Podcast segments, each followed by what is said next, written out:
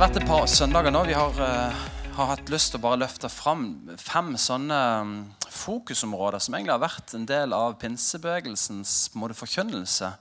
Um, i, uh, så lenge på en måte pinsebevegelsen har vært en bevegelse. Og det handler om dette med at Jesus det er han som rettferdiggjør oss. Jesus det er han som helliggjør oss. Jesus det er han som døper oss.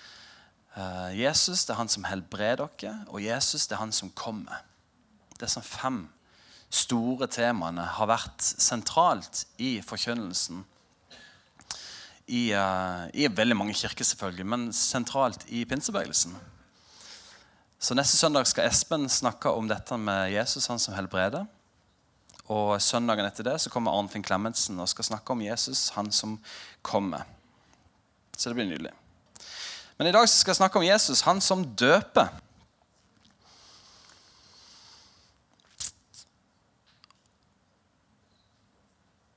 Og da er jo spørsmålet hva, hva betyr det?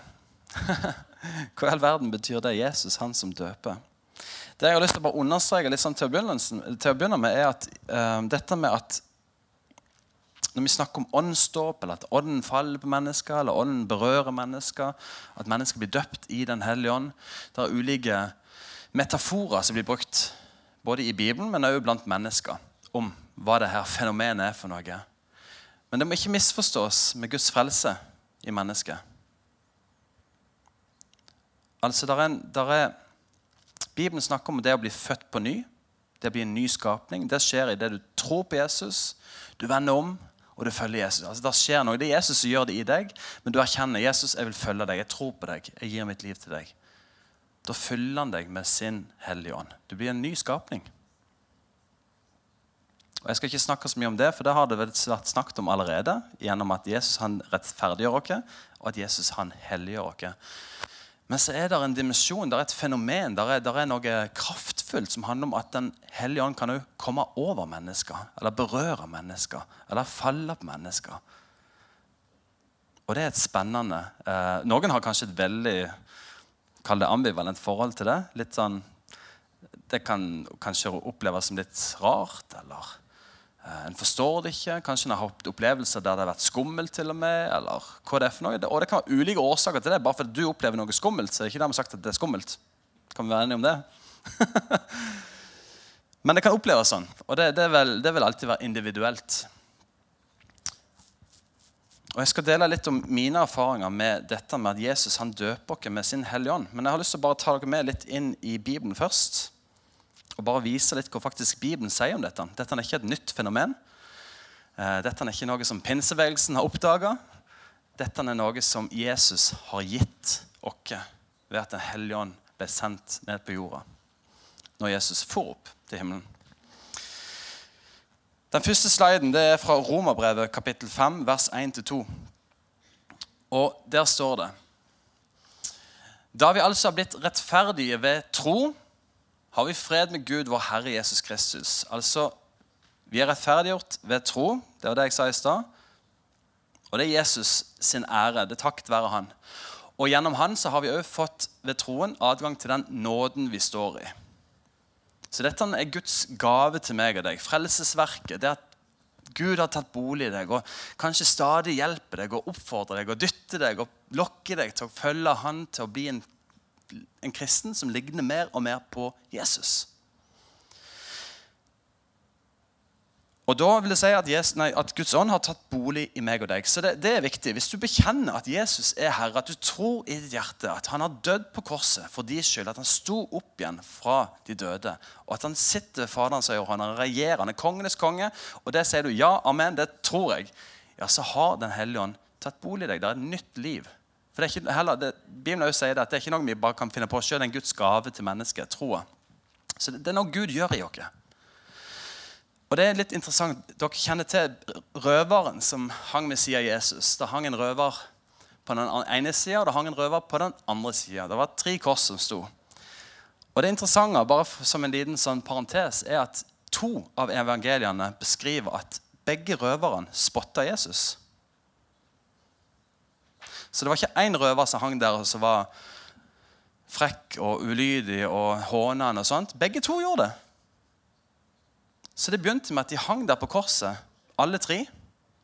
Og de to røverne hånte og spotta han og gjorde narr av han. Begge to. Men så leser vi i det ene evangeliet av de tre at det skjer noe. Det, skjer, det, har skjedd noe. Vi får ikke ta del i samtalen mellom han ene røveren og Jesus. Men det har skjedd noe. For hva skjer? Han spør til slutt. Du er jo kongenes konge. Du er jo Messias. Du er den lovede. Kan jeg få lov til å være med? Kan du tenke på meg når du kommer til ditt paradis? Og Jesus sier, sannelig, du skal være med meg. Så det har jo skjedd noe i hans indre. Han har kanskje hørt de ordene Jesus har sagt. Jesus roper jo ut, 'Herre, Herre, hvorfor har du forlatt meg?' Og Det var ikke bare et ord han kasta ut. Han refererte til ei salme i, i Bibelen som vitner om Messias. Så Jesus identifiserer seg med Messias-skikkelsen i den hengen der. Så alle som sto og hørte på han, visste akkurat hvorfor han sa, 'Men Gud, min Gud, hvorfor har du forlatt meg?' Han refererte til ei salme, og alle visste hva den salma vitner om. Så et eller annet skjer i den ene røveren sitt hjerte. Han blir en troende, og han sier til Jesus Kan du huske på meg? Han visste langt inne at han ikke var verdig. Han hadde jo just for fem minutter siden spotta han. Men han visste nå at Oi, det er Messias ofre meg en tanke. Men Jesus ofra hele seg for at han skulle få lov til å være med. Det er fantastisk. Så det er ikke ditt verk. Det er en Guds gave. Og det betyr at han har tatt bolig i deg med sin ånd. I neste slide, i Johannes 20, 22, så har Jesus stått opp igjen fra grava. Han møter Var det ikke Eller har jeg glemt å legge den inn? Dere kan sjøl slå opp hvis dere har Bibelen med, enten i fysisk form eller i, uh, på telefonen, i Johannes evangelium 20, 22.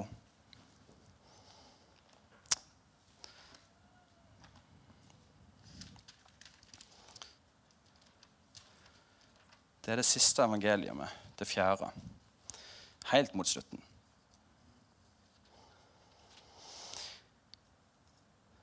Og der står det Igjen sa Jesus til dem, 'Fred være med dere'.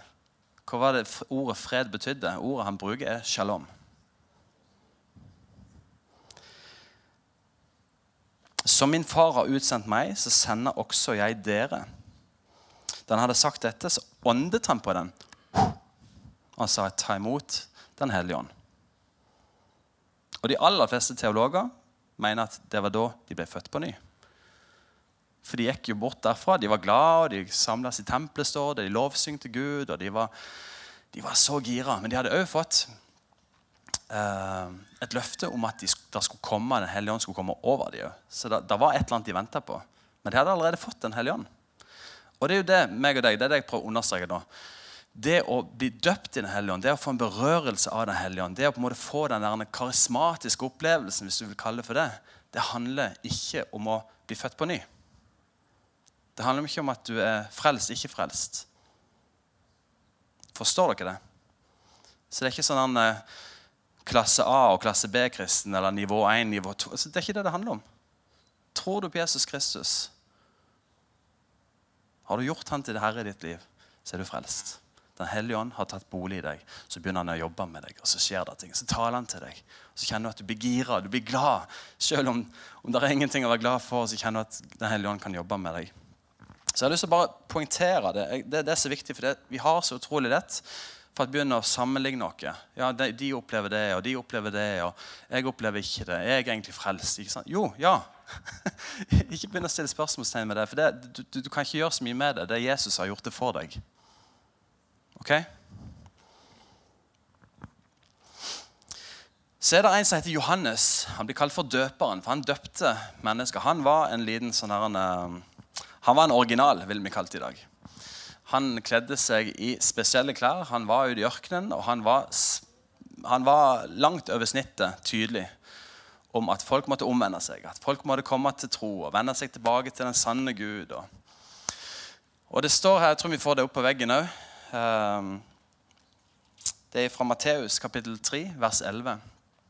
Og dette er Johannes som sier, før Jesus har møtt han, eller før Jesus og Johannes har en dialog, så sier han dette. Jeg døper dere med vann til omvendelse. Altså Johannes døpte mennesker ned i vannet, opp igjen til omvendelse. Altså De ønsket å vende om fra sine synder. De ønsket å bli rensa.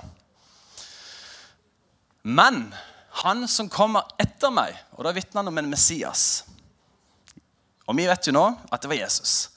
Han som kom etter meg, han er sterkere enn jeg. Og jeg er ikke verdig til å ta av han sandalene. Og dette er ikke bare en sånn liten frase han bruker. Det å ta av noen sandalene det var en forferdelig ydmyk, tjenende ting å gjøre. Han var ikke verdig til å gjøre det engang, mener han. For den som kommer her, han er av en helt annen dimensjon enn meg.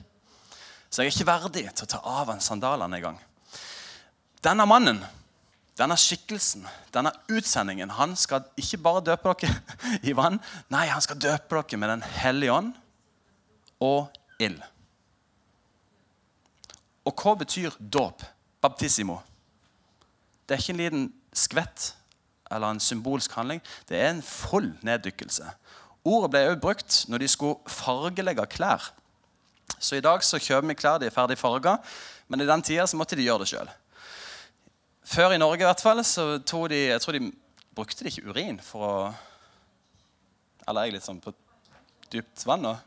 For, for å farge f.eks. hvitt stoff så brukte de i hvert fall farger fra naturen. og blandet, De dynka det nedi, og på en måte vannet og fargene bare gjennomtrengte alt av fiber. og Så kom det opp igjen, og så fikk det en farge. Det er samme ordet som Jesus brukte i forhold til å bli døpt, og det er samme ordet som Bibelen peker på i forhold til å bli døpt. Du blir fullstendig neddynka. Og det som skjer i neddynkelsen, er at det gjennomtrenger alt i deg. Så dåpen er ikke bare en liten symbolsk handling. Det er en, det er en, det er en sterk proklamasjon, og det skjer noe. Men Johannes bruker dette om at Jesus skal komme og døpe dere med Den hellige ånd. Og der er noe herrene i forhold til at Den hellige ånd og ild og Grunnen til at Matteus skriver dette, for Matteus han var veldig opptatt av å vise jødene at dette er Messias. Altså Det er fra gammeltestamentlig løfte. Han er her nå. Så det at han snakker om Den hellige ånd og ild, handler om at han skal døpe mennesker med Den hellige ånd. De skal bli utrusta til tjeneste. Men ild symboliserer jo renselse og dom. Så han vitner om at Jesus ikke bare kommer nå for å gjøre noe, men han skal også en gang komme. Og han skal dømme den levende og den døde med ild. Noen vil bli rensa, vi som har fått blitt rettferdiggjort. Vi som står i Jesus Kristus. Vi er frelst av nåde. Men den andre delen av de som ikke har valgt det, å ta det standpunktet og, og, og måtte tro på Jesus, vil ilden oppsluke. Så Johannes peker på at han skal komme med sin Hellige Ånd. Han skal, han skal utruste, han skal, han skal oppsluke deg i sin ånd. Hvis du da har Jesus, så skal du bli rensa og du skal bli herliggjort med han.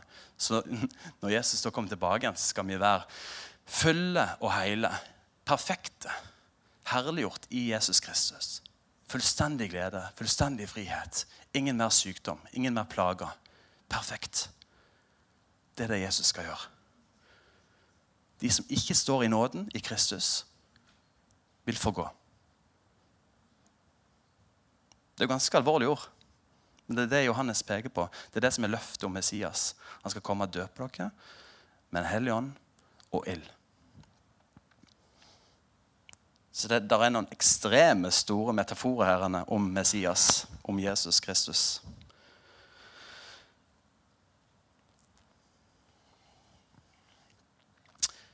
Neste slide. Nå er det Jesus som snakker. Og Det er like før Jesus skal fyke opp til himmelen, og han snakker med sine disipler. Og Da, snakker, da refererer jo Jesus til Johannes. Og Jesus sier, For Johannes han døpte med vann. Men dere skal om noen få dager bli døpt med Den hellige ånd. Så Jesus peker på noe som skal komme.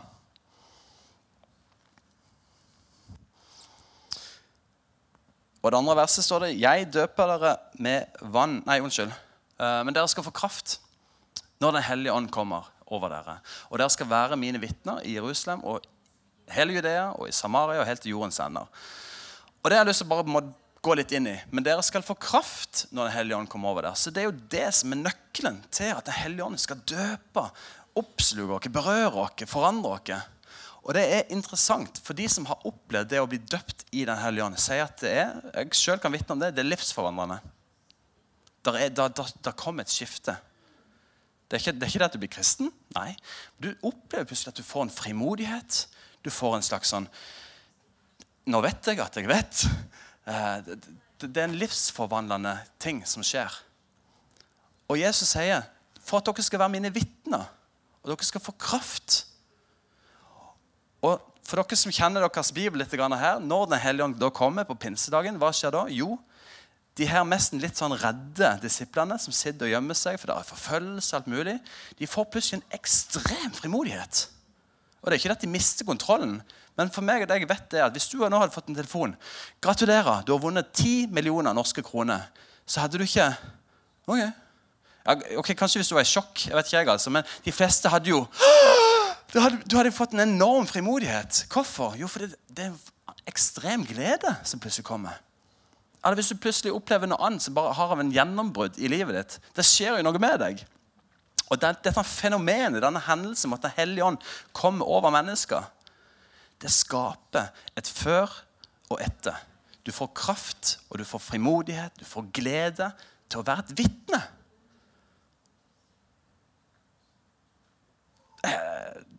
Eh, åh, det er fantastisk.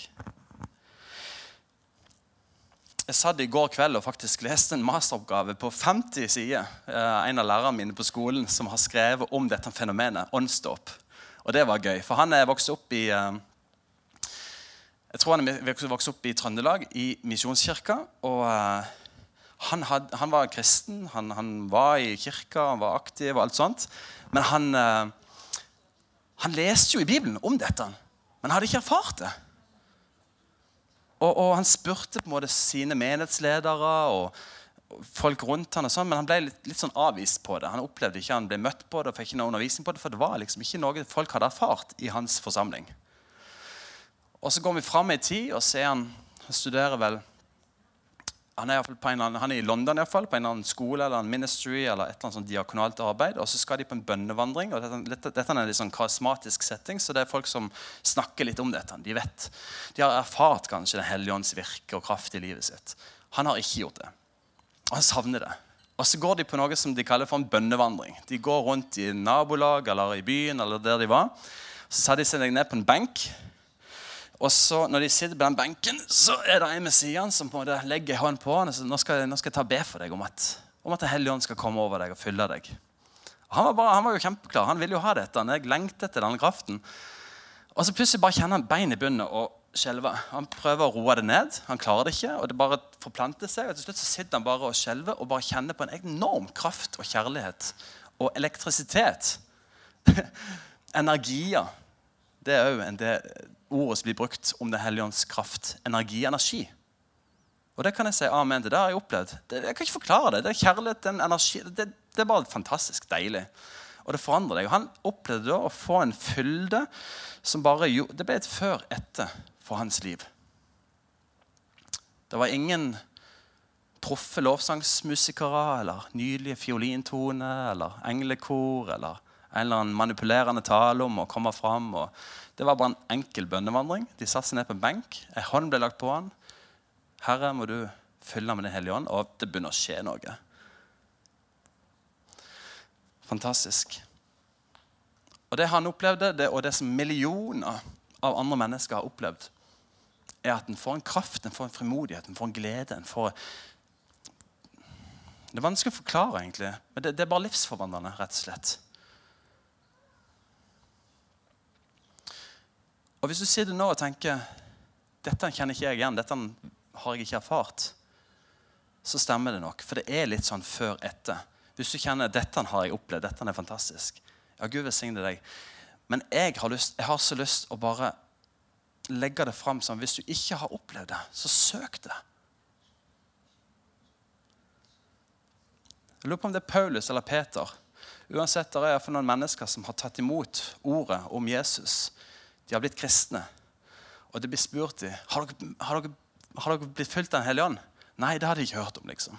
Ok, da må vi be for dere. Og mens de underviser, så faller Den hellige ånd på dem. Og de begynner å tale i tunge, og de begynner å profetere. og de begynner bare, Det bobler bare over. Det er bare, det er bare en fantastisk opplevelse. Og det skaper plutselig et liv. Så En kan bruke så mye metaforer og bilder på hvordan det her er for noe. Men for, for min del så vil jeg bare si at det, det er som at du har allerede en flamme, for Den hellige ånd har jo tatt bolig i deg. Og så Har dere sett de her gamle De skal på en måte lage varmt kull. Ikke sant? Så står de og pumper med sånn luft. Så, så ser du bare gløren blir rødere og rødere. Det blir ekstremt varmt, og det bare tar av. Det er jo en del av det å lage et bål for dere som har prøvd det ute i naturen. Du blåser på det, og det skjer noe i bålet. Og Det er det eneste jeg kan, kan, kan forklare. For Du har jo flammen. Du tror jo på Jesus. Men det å bli døpt i hans fylde er som å bare få Det, det bare tar av. Det er en fantastisk opplevelse.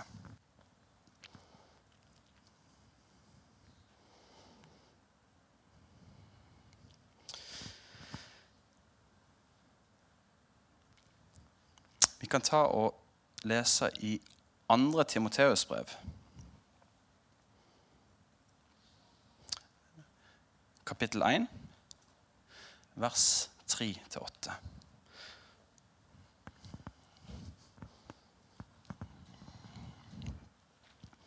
Paulus han skriver til Timoteus. Og Timoteus er en uh, ung mann som har kommet til tro, og som Paulus virkelig bare har fått et sterkt sterkt hjerte for. Han kaller han for sin sønn òg. Og her står det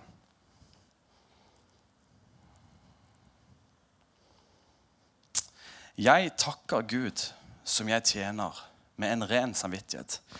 Vi stopper der. Hvis dere kjenner til Paulus, som før heter Saulus Jeg satt òg i går kveld og leste når eh, Stefanus vitner om hvem Jesus er, og, og det står at det stakk det i hjertet. Og da kom jeg på oi, jeg har lest en annen plass der det står at det stakk det i hjertet. Og det var på pinsefestens dag. Peter står opp og forkynner evangeliet. Og det stakk de i hjertet. Men de valgte å Hva skal vi gjøre? vi, dette trenger vi. Og de vendte om. De ble døpt, lagt til menigheten, og de ble kristne. Her sto det òg i Stefanus eh, sin berettelse det stakk de i hjertet. Men de valgte å bli harde. De tok opp steiner, de jagde han ut, og steinene til døde. Og Paulus, står det, en ung mann, var enig i dette. Akkurat som han hadde en ledelse i dette. Og her skriver han da, jeg takker Gud som jeg tjener med en ren samvittighet. Tenk det. Han er tilgitt. Og En ting er at du vet at du er tilgitt, men en annen ting er å det bare går gjennom hele deg. Jeg vet at jeg er tilgitt. Jesus har tilgitt meg. Og jeg kan med frimodighet forkynne evangeliet om han. Som jeg tjener med en ren samvittighet, slik mine forfedre gjorde. Når jeg ustanselig husker deg i mine bønner natt og dag. Så Paulus har virkelig Timoteus på sitt hjerte. Jeg lengter inderlig etter å se deg. Når jeg husker dine tårer, for at jeg kan bli fylt med glede. Hvilke tårer er dette? Jeg vet ikke. Kanskje han var glad? Kanskje han var lei seg? Vi kan lese mye om Timoteus, og han, han hadde det tøft. Og Paulus skriver veldig ofte oppmuntringsbrev til han. Og Paulus lider med han på en eller annen måte. Ja, jeg skal lese en vers 4. Jeg lengter inderlig til å se deg når jeg husker dine tårer, for at jeg kan bli fylt med glede, ettersom jeg har blitt minnet om den ekte troen som er i deg. Den som først bodde hos din mormor, Louis, eller Lois, og i din mor, Eunike, og som jeg er overbevist om også bor i deg.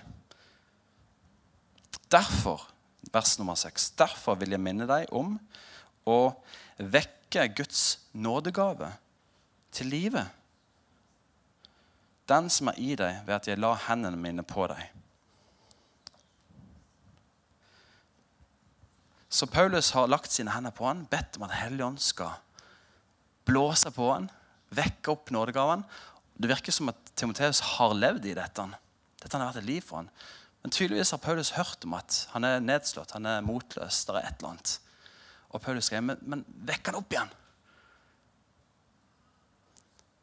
Og det minner meg om en ting som jeg tenker er viktig.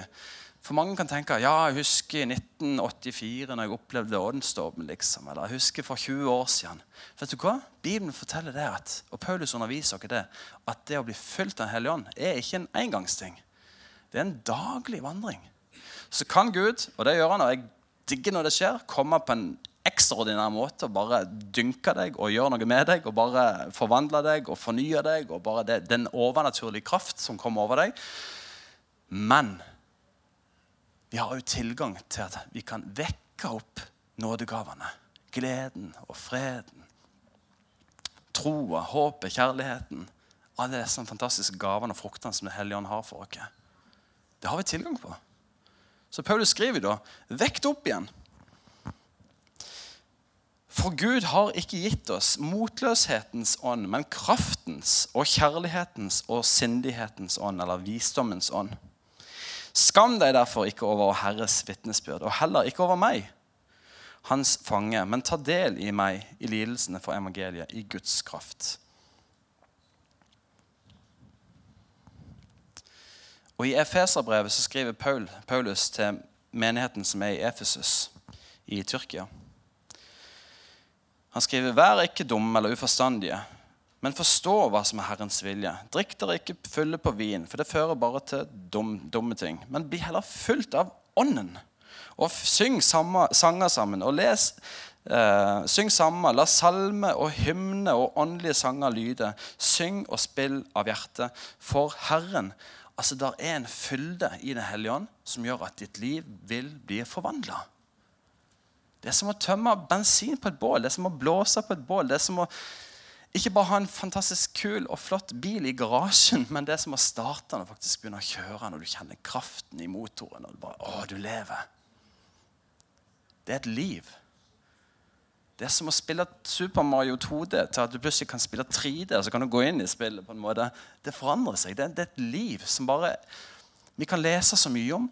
Og i pinsevekkelsen og det er dette som jeg har lyst til å understreke, i pinsevekkelsen, det er ikke det at vi har funnet opp Den hellige ånd, men det kom en fornyelse i kirka i verden.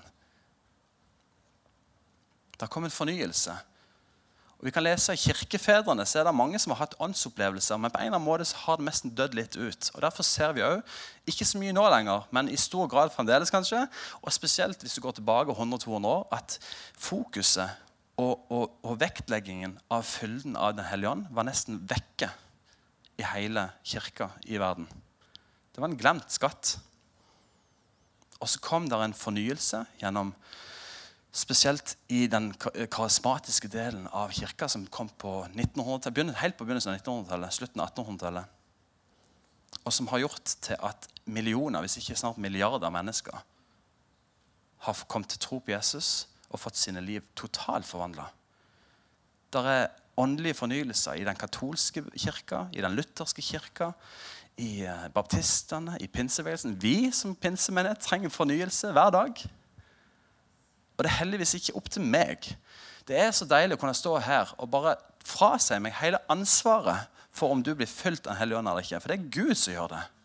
Jeg har ingenting med det å gjøre. Jeg bryr meg veldig mye om at du skal få oppleve det. For det er så livsviktig for din vandring med Jesus.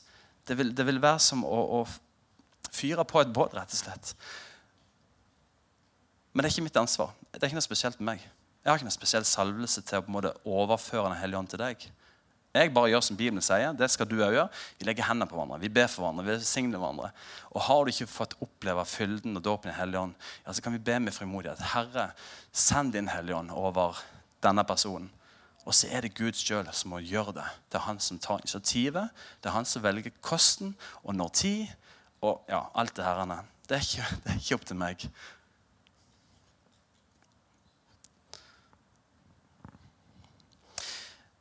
Jeg hadde min første åndsdåpsopplevelse når jeg var en, det her har jeg fortalt mange ganger, men jeg regner med det er sikkert noen som sitter her som ikke har hørt det. da har jeg lyst til å fortelle det igjen. Men min første åndsdåpsopplevelse jeg, jeg, visste ikke hva det var for noe gang. Så jeg, jeg, hadde ingen motiv eller tanke om at dette skal jeg ha, eller dette han ville ha.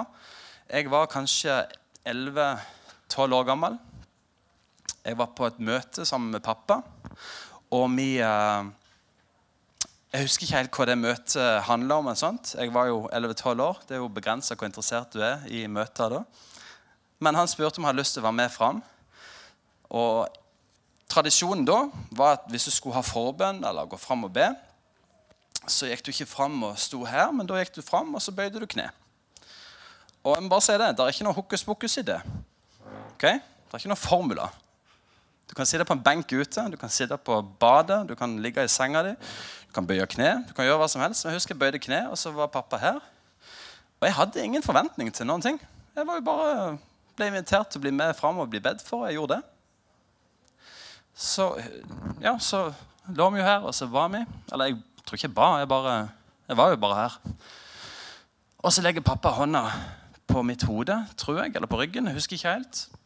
Og så kjenner jeg bare plutselig en ekstrem varme og kraft som begynner å renne over mitt hode og nedover kroppen og bare fyller meg med en enorm glede og kjærlighet.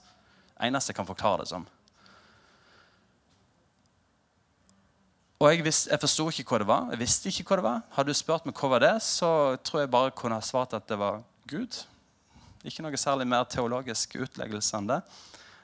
Um, men det vet jeg var livsforvandlende i forhold til hvordan jeg valgte å leve mitt liv fra den dagen av. For da visste jeg plutselig at det her er jo Det er ikke bare noe jeg tror på, men det, det er et liv.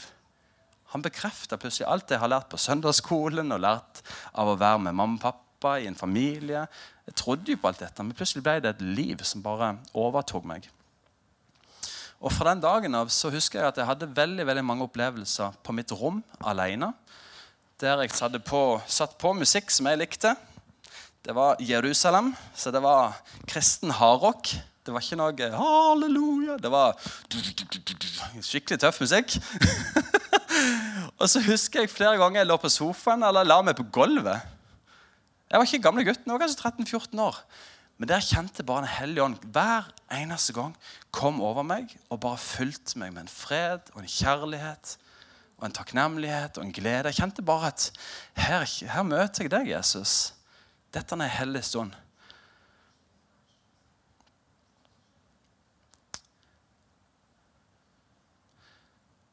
Og den, spesielt den siste måneden så har jeg hatt veldig, veldig mange stunder der jeg i stillhet har kjent på det samme. Ikke noen som ber for meg, ikke noe musikk. Ikke noe, Ingenting, egentlig. Men bare 'Herre, kom'. Og så kjenner jeg bare at han kommer. Og ikke noe sånn eh, Ikke der. Det kan godt være du opplever det, men for meg har det bare fulgt meg med uh, akkurat det jeg trenger.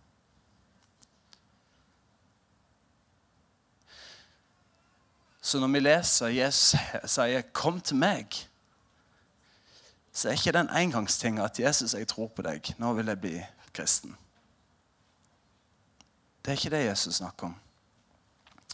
Han inviterer deg til å daglig komme til han. Hver dag. For vi lever i en verden der vi blir så fort distrahert. Det er så mange ting som kommer inn og forstyrrer, ødelegger, stjeler glede, stjeler kraften. Stjeler så mye fra oss at jeg har kjent et behov for at Gud, jeg trenger deg for opptil flere ganger til dagen.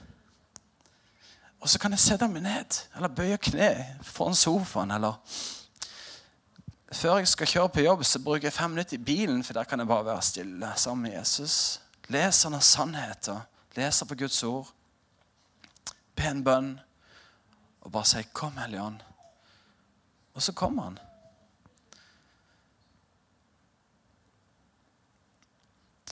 Og Jeg vet ikke hva jeg skulle gjort uten den dimensjonen. Jeg vet ikke hva jeg skulle gjort uten den, det livet der han er. Det hadde blitt forferdelig tørt og kjedelig og slitsomt. Ja, jeg må gjøre det, jeg må gjøre det, jeg skal være med på det, for det er rett. Og det er mye bra i de tingene. Jeg tror det kan skje masse hvis vi faktisk er lydige. Så kommer han bare skaper noe i oss òg. Men jeg har søren meg gjort det nå i 30 år snart. Gjort alle de tingene. Og av og til så blir det litt sliten. Av og til kjenner jeg bare vet du hva, nå trenger jeg en god rytme i livet mitt der jeg bare søker Han hver dag. Og kjenner da at han kommer med sin milde, gode stemme. Uh, og sitt fantastiske nærvær. Og bare rører med meg. Det er fantastisk.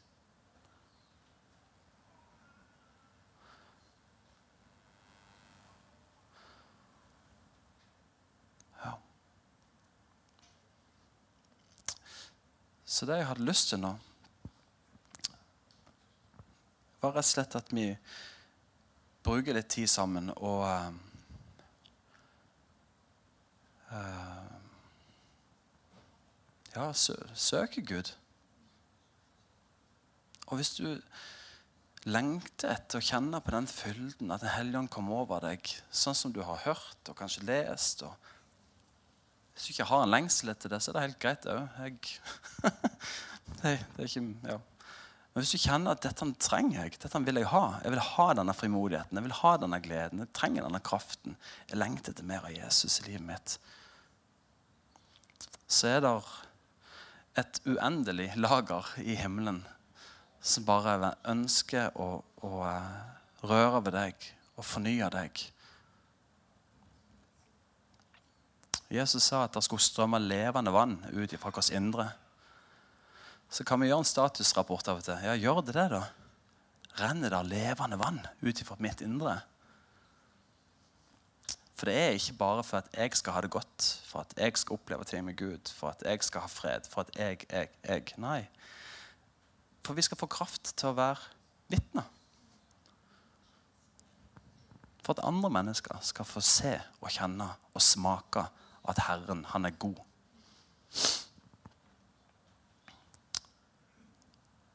Yes. Så det vi har tenkt litt nå, er rett og slett at vi bare ser det på